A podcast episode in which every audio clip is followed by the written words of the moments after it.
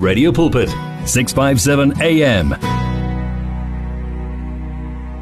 Yebo ungu Kristu othathelelayo uyaxolela esho uThemba inkosi uthi ikhona indaba.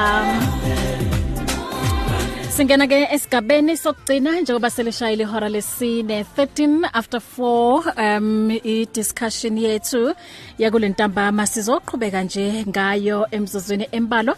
Ngikanye nomfundisi uTony Mhlongo. Usanda kungena siyakwamukela AM 657 DSTV audiobook 882 phinde usithole naku naku Radio Pulpit app. Ungayidownloada even namanje eh download ukwazi ukuthi usilalele nanoma ukuphi lapho emotweni uyazi uyasithola eh, ku radio medium wave 657 ekhaya une DSTV no open view nalapho ke asikuvaleli ngaphandle One vision, one voice, one message. Radio Pulpit 657 AM and 729 Cape Pulpit, impacting lives from Gauteng to the Cape. Ingxoxo yethu ke namuhla bazalwane sikhuluma la. Oh mam Grace ngiyabona umyalezo wakho ungene late. Mm bekakhuluma la ngosis itu uthi i wish ukuthi bekunala ngingambona khona. Uthi what a powerful testimony. I'm revived. Uthi you rock madam. You are full of energy um for the lord. Siyabonga kakhulu mam Grace. 14 after 5 after 4 yeah sizoqhubeka now until 5 ngika kanye nomfundisi uTony eh Mhlongo umfundisi sawubona Eh sawubona sesibahle sanibonani balaleli be bethu namuhla be Radio Pulpit. Amen. Mm. Eh kuhambe kahle enkonzweni mfundisi. Hayi sikhonze kahle uNkulunkulu muhle njalo. Amen. Hayi sibusise kakhulu namuhla. Hayi manje uzobusisa thina. Amen. Amen. Amen. Sikhuluma ngendaba lami um I don't know ngithi sensitive or ngithi indaba okuwukuthi um kukhona nje esingakufunda kukho? Because sometimes singabantu sinokuthi sifihle izinto mfundisi ngaphakathi kithina.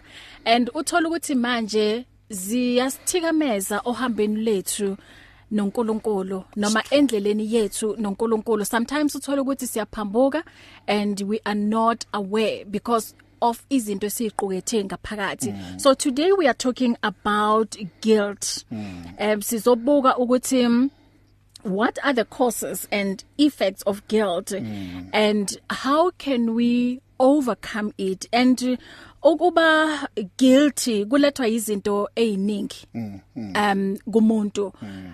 um thola ukuthi wenze someone into ethizeni and um, bese lento uyithatha ukuthi imfihlo that person akazi. Mm, but mm. moyiwani ufila guilty ukuthi mara mm, why? Mm. why ngiyenzile lento mm. uyabona?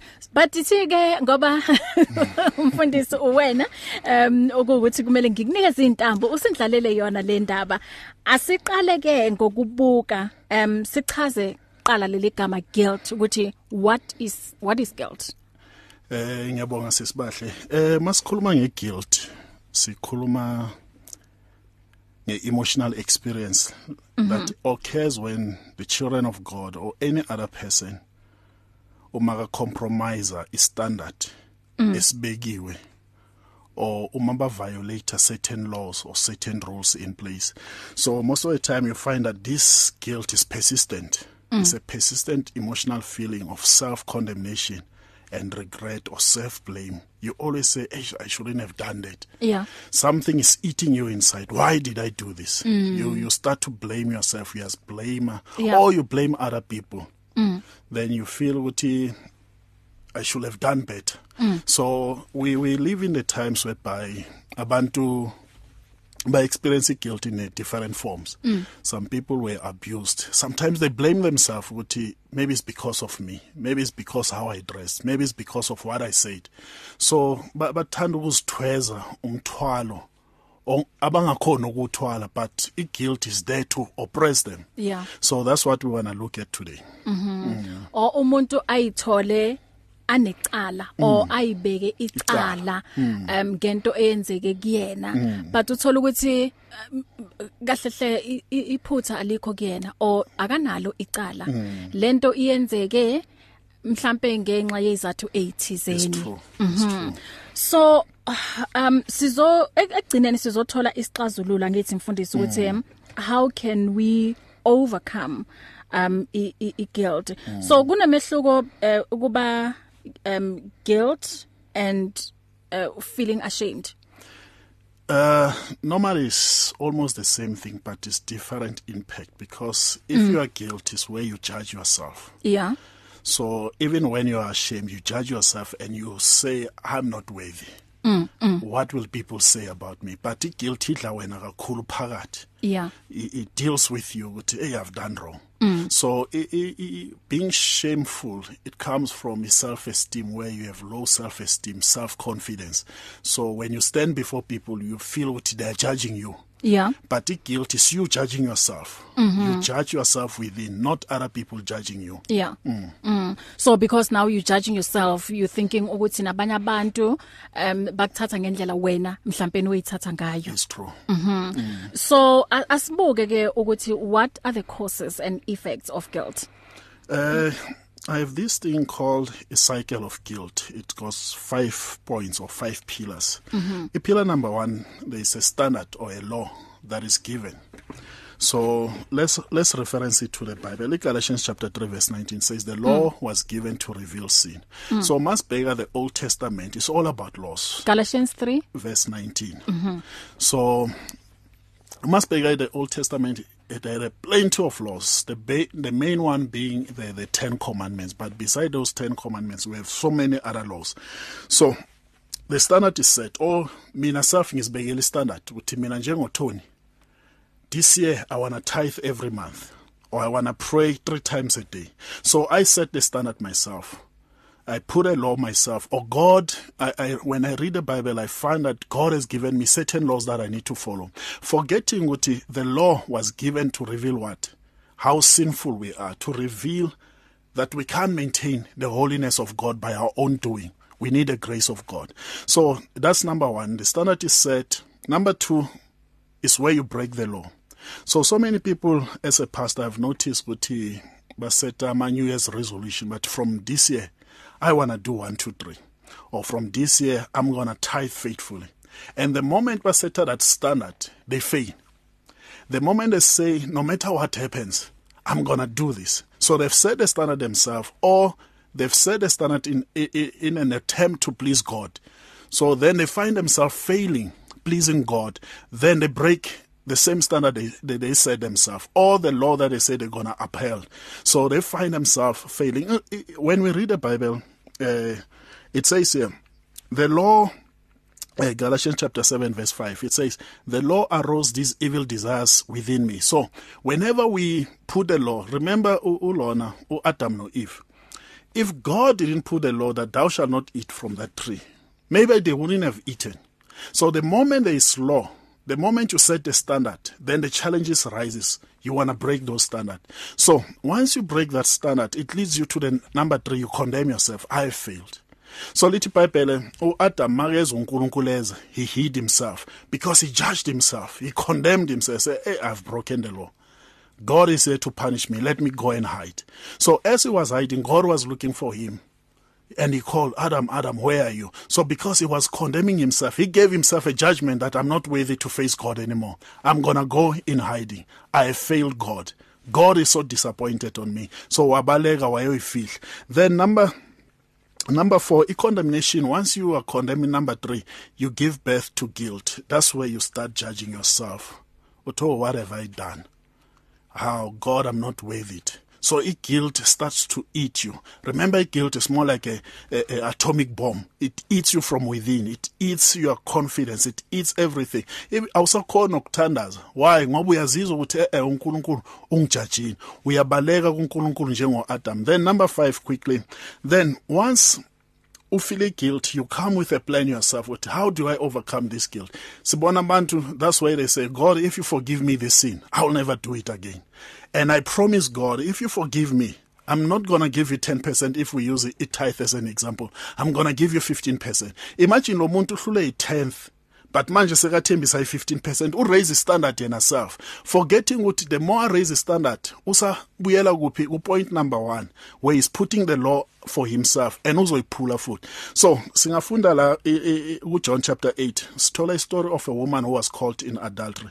But laba lama ama Pharisees when they when they get this woman they say she has broken the law of Moses and according to this law she must be punished. So whenever you set a law and you break it there must be a punishment. And sometimes it's not a, a punishment that comes from outside. You punish yourself. Your heart punishes you. Your knowledge of God punishes you inside. That's where guilty is akhona Sure umfundisi ngiyakuzwa.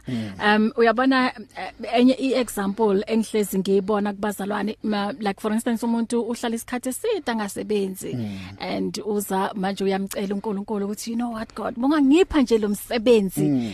Um bokhuluma la nge10% bese ke uyapromise ukuthi bonganginikeza nje lo msebenzi. Definitely sure. Akhathazekile ukuthi ngiholelwa malini mm. ngizomkhipha u10% awuthola umsebenzi aholelwe. First month mhlawumbe ayikhiphe ke leyo 10% second month uh, third month uh, manje ngithi sekayasebenza. Ne standard sempilo yakhe naye sesiyaphakama manje and then ugcina manje angasakwazi ukukhipha um leyo 10% mm. and then apromisile mm. kuNkulunkulu ukuthi ngizokwenza lokho. Mm. Manje ke mfundisi what to do ke uma so uzenzile lezithembiso wa failure um wayicondemn and manje so ufuna ukuza ngenye iplan and as you said ukuthi uza nesinye futhi manje istandard phezulu kwesinye mm, leso oyibekele sona. So uma uyithola ke ukuleyo position what to do? The the best thing I, I like the story of this woman who was caught in the act of adultery. Mm. Though these preachers or these teachers of the law the intention was wrong but they did something very right. What did they do? They took the woman to Jesus. Mm. So that's the beautiful thing they ever did. So with their intentions they wanted to show Jesus that if you break the law we're going to attack you. Mm. So but Jesus says to them, he who is without sin Mm-hmm. Let him cast the first stone. Yeah. So in other words, Jesus is raising the standard to these teachers of the law to say if you say she broke the law, you yourself have you broken the law? Mm. Then when they check themselves, they realize what hey, even us we broke the law. Mm. The Bible says from the eldest to the youngest, they put the stones down and they left. So sometimes it's easy to blame other people while we have issues ourselves. ourselves. So, but what I can say, let us always go to God. Utu Jesu to this woman, where are the people who were condemning you? Mm. She says, when she looks around, she says, they are all gone. Mm. Jesus says, I myself, I'm not condemning you. Remember, this is a beautiful story. Mm. This woman doesn't say, Jesus, please forgive me. I've sinned. I've done this. I will never do it again. No, Jesus says, I'm not condemning you. Mm. I didn't come to the world to condemn people. I'm here to draw people to myself. So, what I can say, let us go to God. Whenever we break something, whenever we break the rules, whenever we sin, it doesn't matter how big is the sin. Mm. Let us not allow Satan asifake biological weapon yeah. a chemical weapon within us sisibulale thina self Mm. God is there. He's not condemning us. Mm. He's not condemning us. He says, If you come to me, I'm here to forgive you. Go, you are free woman. Sin no more. Mm. As easy as that. You don't have to say, God, I promise I'll never sin again. God, I promise. Because the moment you promise, you are telling the devil that okay now mm. i've set the standard even higher then devil come and attack me the moment you promise you're going to break it the law is not there to make us right with god It mm. is there to reveal how sinful we are how how how inadequate we are yeah we can't do it on our own that's why we need the grace of god mm -hmm. to help us in whatever decision that we are making yeah mm. and uyakusebenzisa ke usathani lokho ukuthi oh, okay wena bowucabanga ukuthi ungubani mm. um u promise this and manje lento awusakwazi kuyenza so uyabona ukuthi you are nobody and mm. mm. awuthembekile mm. um awusiwe yena lo muntu wena othi unguyena mm. and into bengisho ukuthi ekugcineni kosuku manje uthola ukuthi um awusahambi ngendlela efanelekile noNkulunkulu. So ufuna ukuyifihla manje. Yingakho uthola ukuthi abanye ngenxa yethembisa abazenzile abasakwazi ukuzenza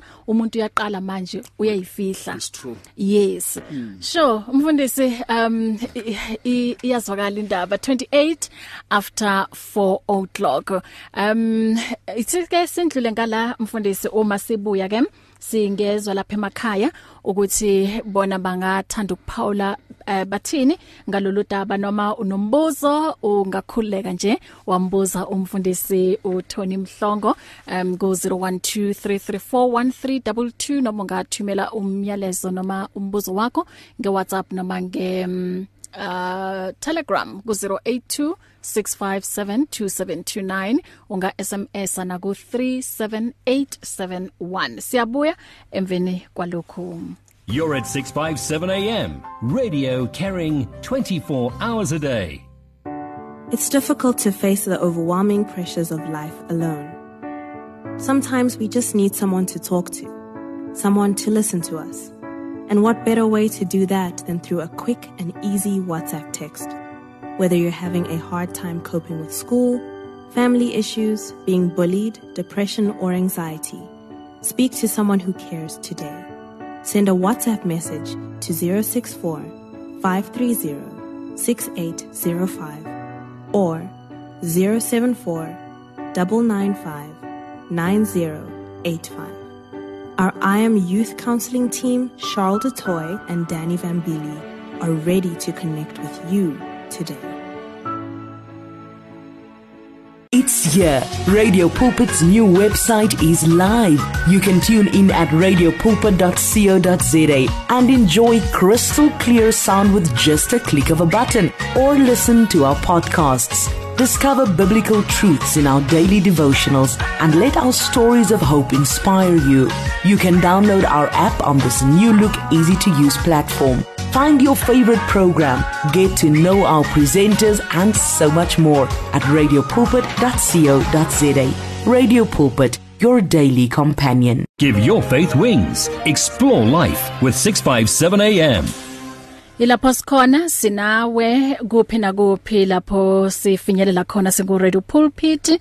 Singumngani singumsizi wansuku zonke. 02334132 sikhuluma la ngendaba um yo yo yokufila guilt. Sibuka ukuthi uh kudalwa yini lokho ama effects and uma ke sizoyivala kahle sizobuka ukuthi how can we overcome it. Sawubona okay usehambile sawubona all right.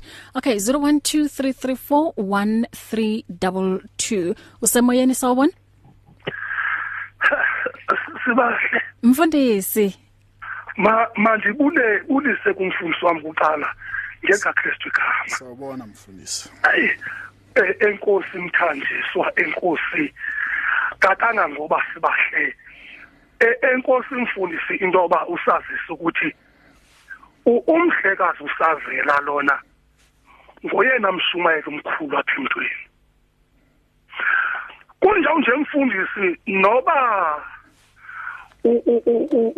ungazama ukubaqhatha abantu okanye ndizame ukubaswayitepa uyathi umhlekazi usazela hayi mhlekazi noba ungandijamela nelenkomo iliso liyalitya hm so awenzanga kakuhle kule ndawo.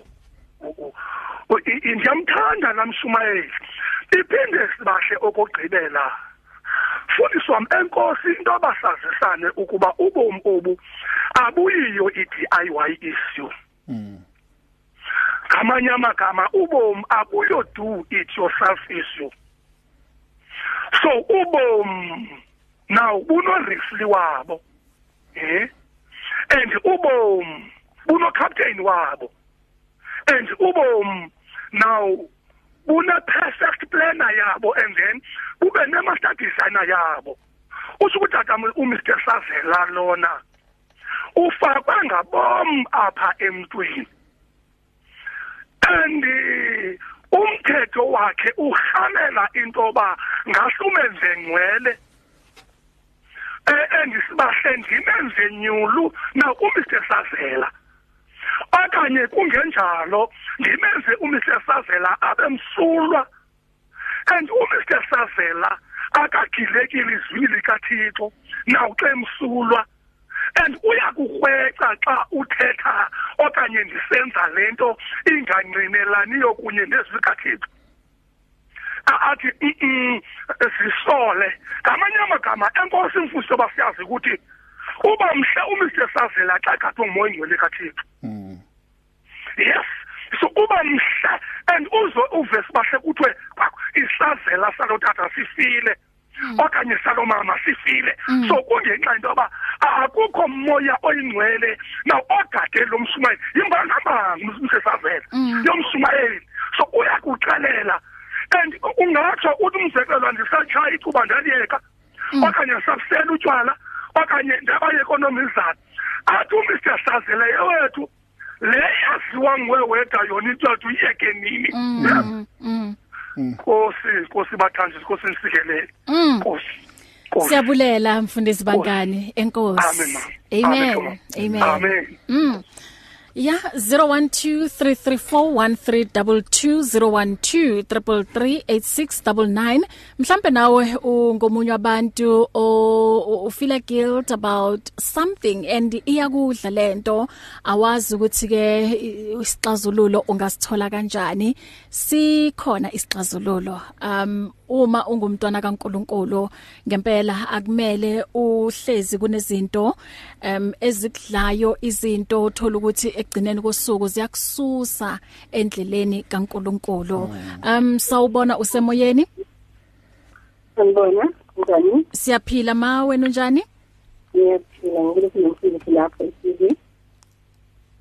Um, ngisibe kule ndaba le ekhulunywa ngayo khona manje.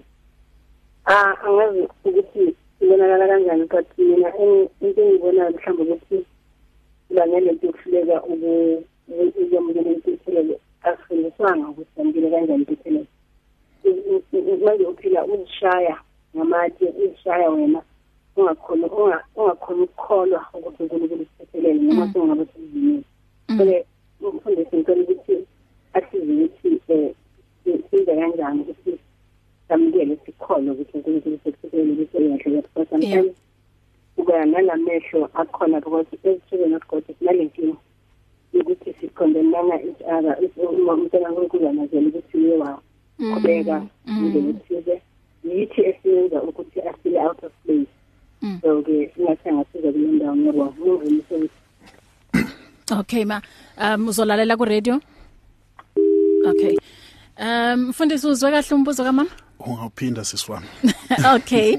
Umama uthi um ungathi sashoda le mfundiso yokuthi um mhlawumbe sikhol sikholwe ngokugcwele ukuthi uma mhlambe kunento oyenzile and then uze kuNkulunkulu akuxolele ukholwe ngokugcwele ukuthi yebo ngixolelwe. Uthi ngezinye zezinto ezenza ukuthi sihlezi sine sine guilt because asikholelwa ukuthi uNkulunkulu usixolele ezonweni zethu o mhlambe kumaphutha esiwenzayo. Yeah ngiyabonga sisibahle. It is true my sister. Most of the time into esidlayo is lack of knowledge. Lithi bible my people will perish because of lack of knowledge. Asimazi uNkulunkulu ukuthi uNkulunkulu onjani. Sometimes uNkulunkulu masima approach sima approach based kule information esizwe ngabantu ukuthi uNkulunkulu uyashaya. uNkulunkulu is angry. You you will agree with me so many pastors are preaching that God is angry. He wants to send people to hell. Ufuna ukuthumela abantu esogwini then must approach uNkulunkulu sim approach from that angle that is an angry God. But akusulo uNkulunkulu esimbonile esiphambanweni. uNkulunkulu esimbonile esiphambanweni uthi it is finished. Come to me all you who are heavy burdened. I will give you rest. Cast your burdens unto Christ for he cares for you. So must fail we fail because we are human beings. We need God. We can't make it on ourselves. So I, I wish I pray ukuthi these teachings indeed zibe khona zibe available in many churches or abazalwane bazifundela iBible bona self to see who is God the love of God the true love of God uNkulunkulu ayenze available for bona. Mhlambe omunye angabuza ukuthi okay um ngizokwazi kanjani ukuthi like for sure uNkulunkulu ungixolele. Yebo nansi into ngiyenzile. Em mhlawumbe omunye wajesiswa mhlawumbe yaboshwa bese uyaphuma but still uthola ukuthi usesenayo lento em ngazi kanjani ukuthi ngempela ngempela ngempela uNkulunkulu ungixolele? Sis wam what I've learned is uma sishumela ivangeli mo special if isishumela kwabantu abangasindiswanga. Mm. uma ngizinikela ngizwe ivangeli kaJesu uthi uJesu uyathethelela Yeah. Ngize ngiphakamisa izandla.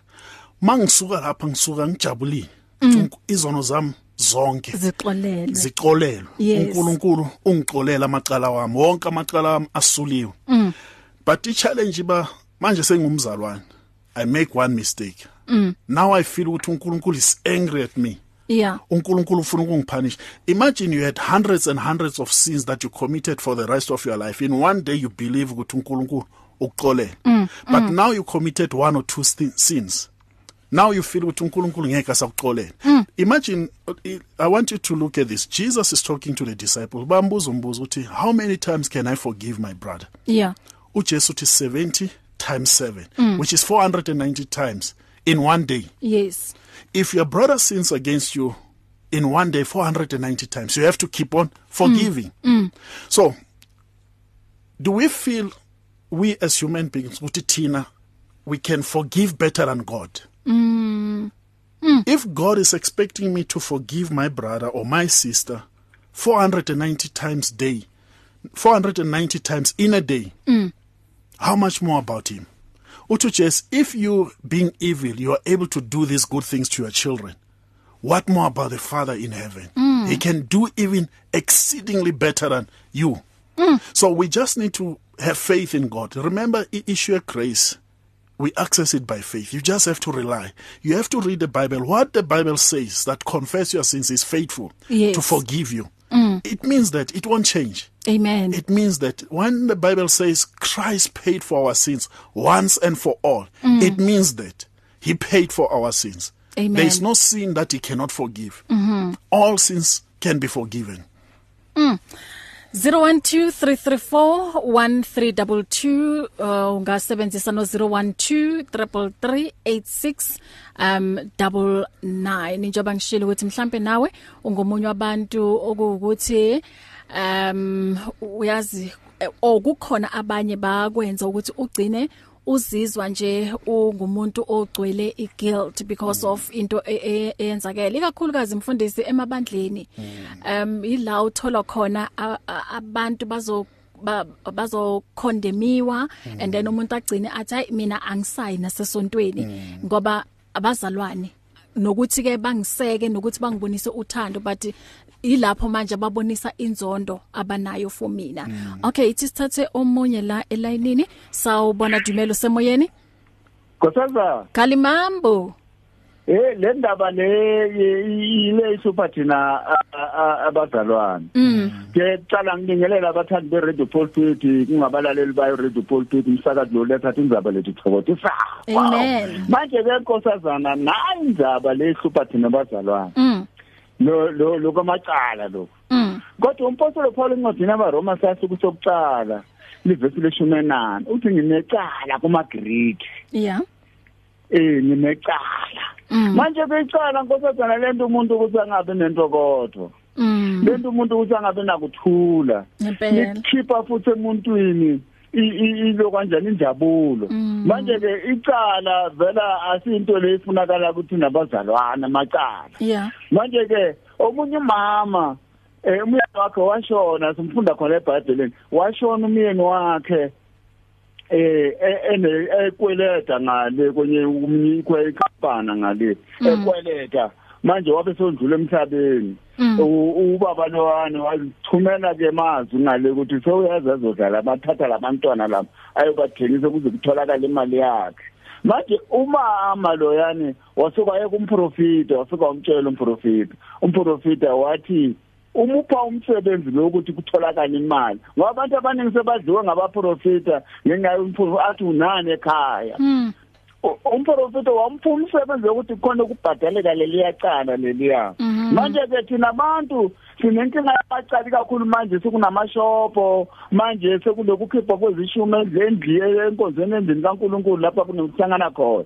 Kunemashopo lapho kuthengiswa khona impahla manje umuntu athatha impahla ngapha ngapha kumele uthikhe izishume ngapha. Wathembisa ukuthi manje njengoba sengizothola umsebenzi uNkulunkulu ngizokhetha izishume abe sewongabe izishumela ngasakhipha athi uNkulunkulu nguNkulunkulu wami. Ayobhadala ngayo ngoba ngale kuzoba khona izinkingana zokuthi angasakhona ukuthenga futhi. Manje ke inkinga le iba khona leyo asuke saye kumprofita manje leso sikhathi. Aphinde athathe imali apho umprofita. Umprofita kungayenzekali lutho ngoba le yanto le kufuna nakanjani siyovela kulabantu esibakweletayo ehe. Siyobhadala yebo kumele ukubhadela isikweleti sakho. Eh manje athathe imali lapho umprofita umprofita athi hayi mina ngizokuphelisa konke lokho. Ukuthi ungasali ungasabi nacala ngoba wona ungumntwana kaNkulunkulu. Kungayenzeki kuba lozohamba ayokhipha ngoba icala phela bale recorder lapha lapha ku computer kuba khona iSouth Africa yonke le. Amen. Ubani uzahamba khipha lamacala kulama computer labantu ma laptop ma computer. Hayi kuzoba inkinga.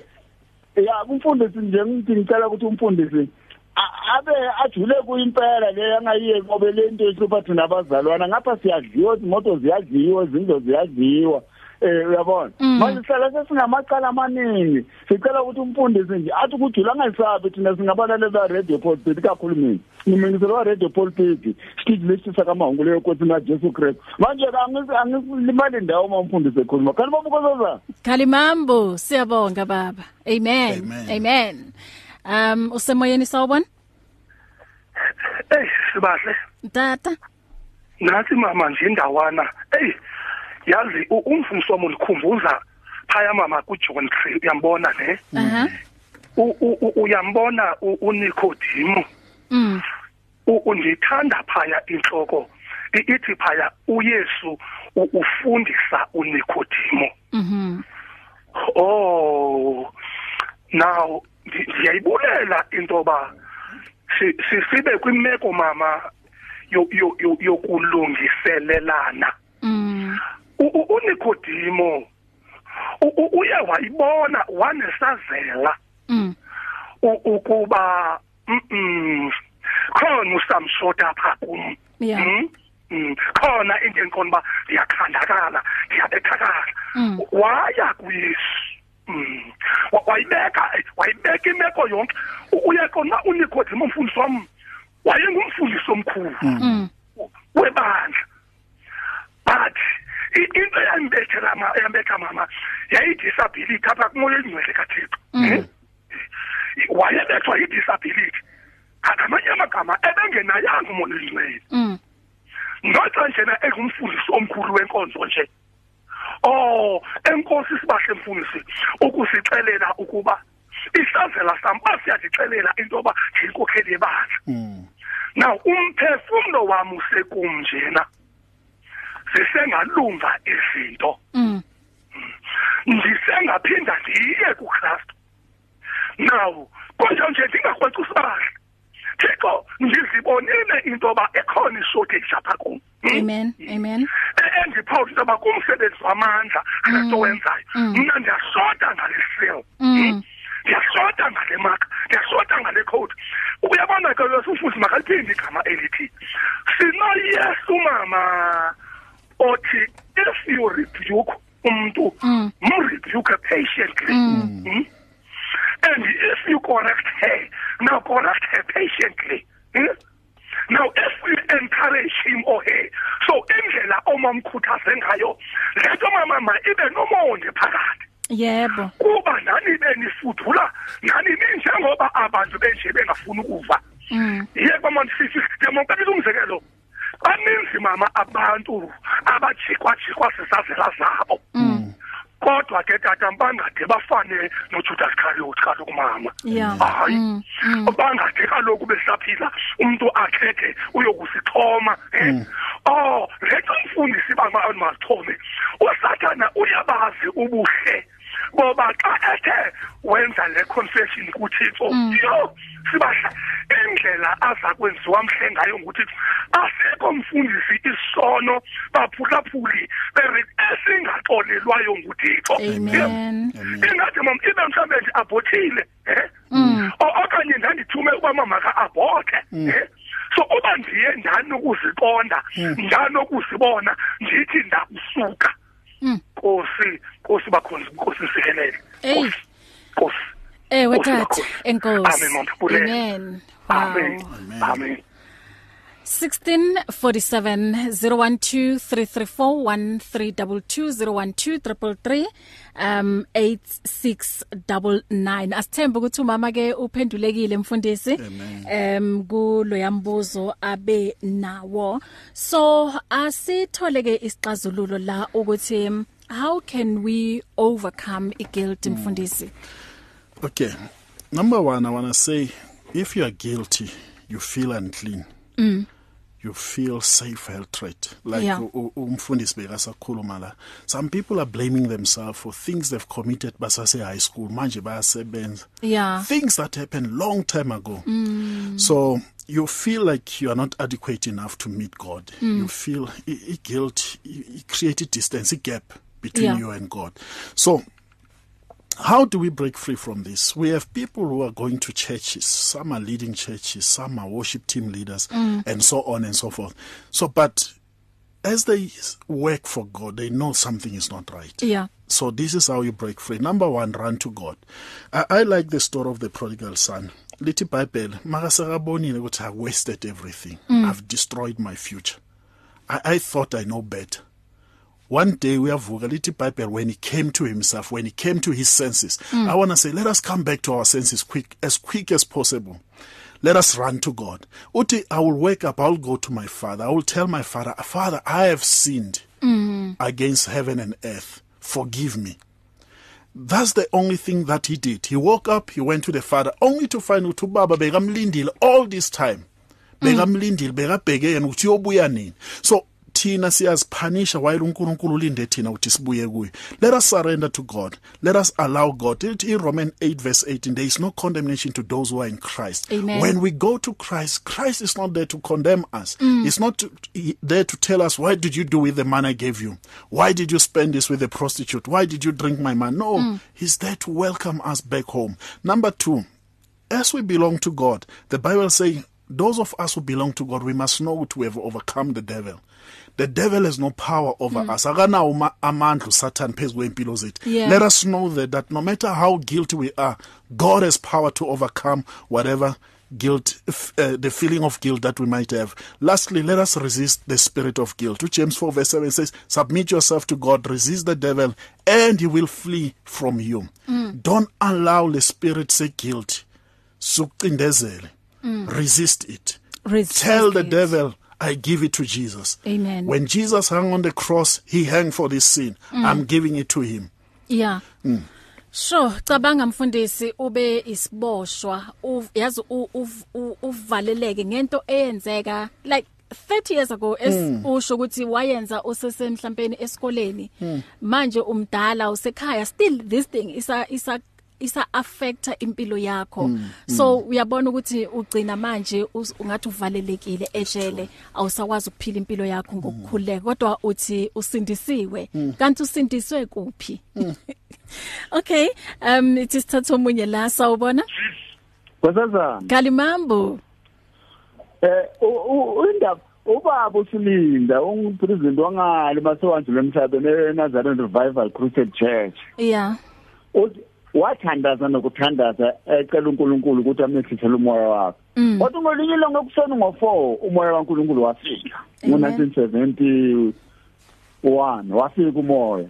Manje ke wamfungisa umoya ukuthi uvu- wathi vuka ushumayela athi bantu balele. Mm. wathi manje vuma ukuthi zishumayela mihla yonke namalanga wathi hey ngidashumayela wahamba amalanga lokho eshumayela ngelinye ilanga wakho ngosoma kwakungisomabhizinisi omkhulu vele. Mm. manje wazi ingqondo isesikhathaza manje wayolala engashumayelanga. Lafika izwi lothi awushumayelanga.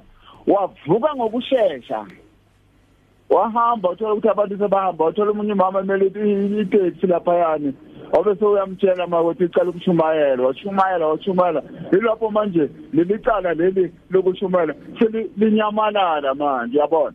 Manje ke thina simboza mboza yiwo lamacala lawa esiba nawo lawa yokusebenzela uNkulunkulu yokuthembisa kakhulu khulu sibe singasafezi kanti mabukozeza Kalimambo, Kalimambo siyabonga baba. Okay, asithathe ikhefu elincane lana. Um sasa na imizuzu asithi plus minus 5 minutes uma sibuya la. Um singathatha ababili noma abathathu bese ke siyayivala incingo. Hear the word and renew your life on 657 AM. It's here. Radio Pulpit's new website is live. You can tune in at radiopulpit.co.za and enjoy crystal clear sound with just a click of a button or listen to our podcasts. Discover biblical truths in our daily devotionals and let our stories of hope inspire you. You can download our app on this new look, easy to use platform. Find your favorite program, get to know our presenters, and so much more at radiopulpit.co.za. Radio Pulpit, your daily companion. We are here 24 hours with the message of hope, faith, and love on 657 AM. Um sibuyile ngikanye no Pastor Tony Mhlongo sikhuluma ngeguilt eh ku lentambama Mfundisi kunombuzo lana. Uthi um ngingumntwana kaNkuluNkulu osindisiwe uthi ngiye ngalingeka ongilingeke ukwakha indlu ngezinto ezendlu ngeback door. Ngisivume isono sam kodwa ongisivumile isono sam kodwa ngihlala kulendlu em noku nokuyise nokusebenzisa lezinto i-guilt ayingiphumuzi ngoba eh uma ngizibona uthi nginqoba kanjani okay mhm Uh, this is a very serious question. Yeah. Uh, it's all about the restitution. Remember, uLona uZachaeus said, "The things I've stolen, ngizozibuyisela." So, but in this case, you can't return it. mm. I know a story, it's a true story from umama besikhonza naye naye had the same thing. She had to break down her house so that Sure. she can break free from the spirit of guilt. But remember, there's so many things that we have done Mm. in our past life. So many things that we've done. There's food we have eaten. What are you going to do with the food you have eaten? Mm. Uzokuhlanza ubuyisele shop. cha So rely on the grace of God. Have faith in the grace of God. Lithi Bible, we Hebrews chapter 4 from verse 15. Lithi, for we do not have a high priest who is unable to sympathize or understand our weaknesses and temptation, but one who has been tempted, knowing exactly how it feels to be human in every respect as we are, yet without committing any sin. Therefore, let us approach the throne of grace with confidence, without fear, so that we may receive mercy for our failures and find His amazing grace to help us in time of need. So, what I'm trying to say, Jesus understands what you are feeling. Little Bible, go to Him without fear. yeah Go there with full confidence, knowing what uzokunikeza mercy. Mercy simply says God doesn't give us what we deserve. We deserve to die, but God won't give us that. He'll give us Jesus to die on our behalf. Grace means God gives us what we don't deserve. We deserve to die for our sins, but He said, No, I'm going to bless you instead. So, what I'm trying to say, oh, Mama, feel free, go to Jesus, confess your sins to Jesus, and say, God, don't promise anything to say, I will never do it again. Just say, God, by your grace, I will live. yeah Don't promise and say, God, I'll never steal again. Because once you do that, you are setting a trap for yourself. yeah Rely on God. Every hour, every minute, depend on God by faith. Say, God, whatever I have, I rely on you. I depend on you. Every day, every hour, I depend on you.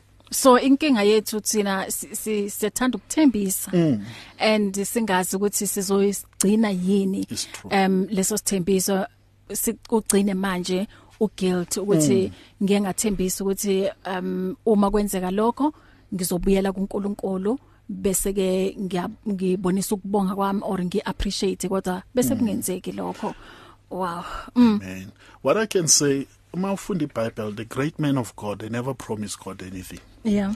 They waited for God to give them instruction and they followed. i-instruction so thina sithanda ukuthembisa uNkulunkulu kakhulu.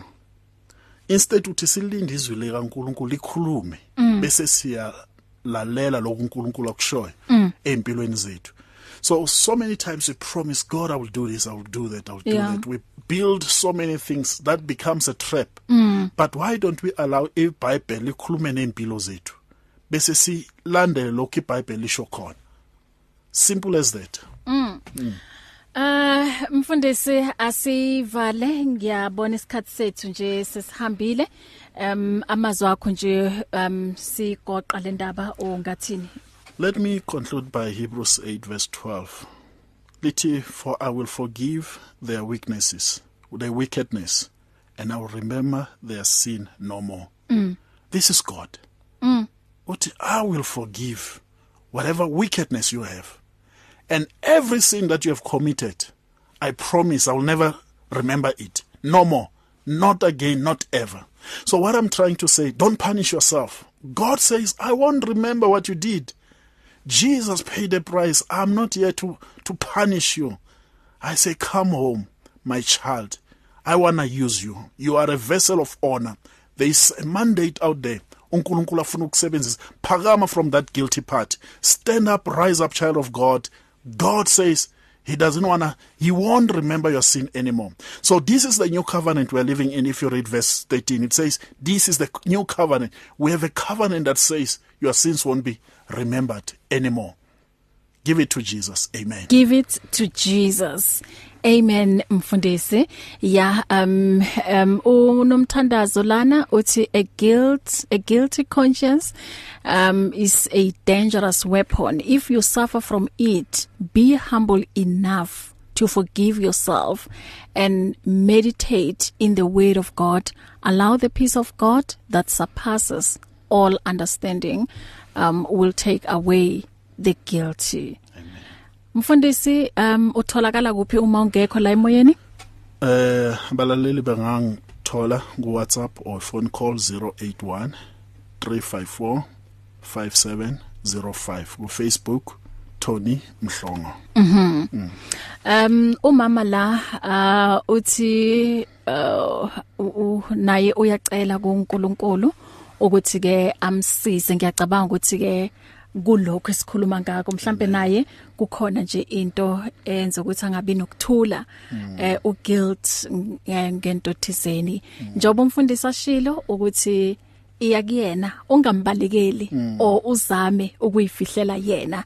So uyazi nje khuleka uyindlale nje phambi kwakhe uthi yes ngi guilt ngikwenzile lokho ngiyacela baba ukuthi ungisize and ungixolele. Utholakala kuphi mfundisi? 081 354 5705 WhatsApp SMS or a phone call. Ngiyabonga. Asiphinde futhi sihlangane evikini elizayo. Amen. God bless you.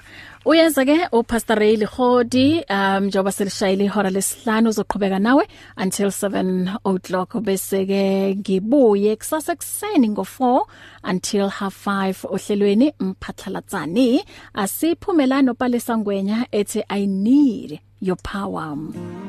One vision, one voice, one message. Radio Pulpit 657 AM and 729 Cape Pulpit, impacting lives from Gauteng to the Cape.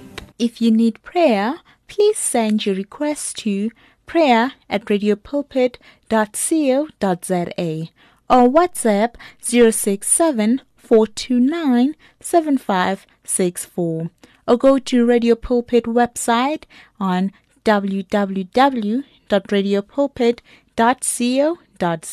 You can now buy your favorite programs and series of the past 38 years on eCompanion, Radio Pulpit's own online shop. Revisit programs by beloved presenters like Justice Chungu, Cecile Burger, Esti Geldenhuys, and Pastor Aaron Jelle. Books and CDs from various authors and artists, as well as Radio Pulpit t-shirts, caps, and other branded products will also be available on eCompanion, your one-stop soul food shop. Visit radiopulpit.co.za and click on shop. T's and C's apply. You and 657 AM and life, a winning team on the road to eternity.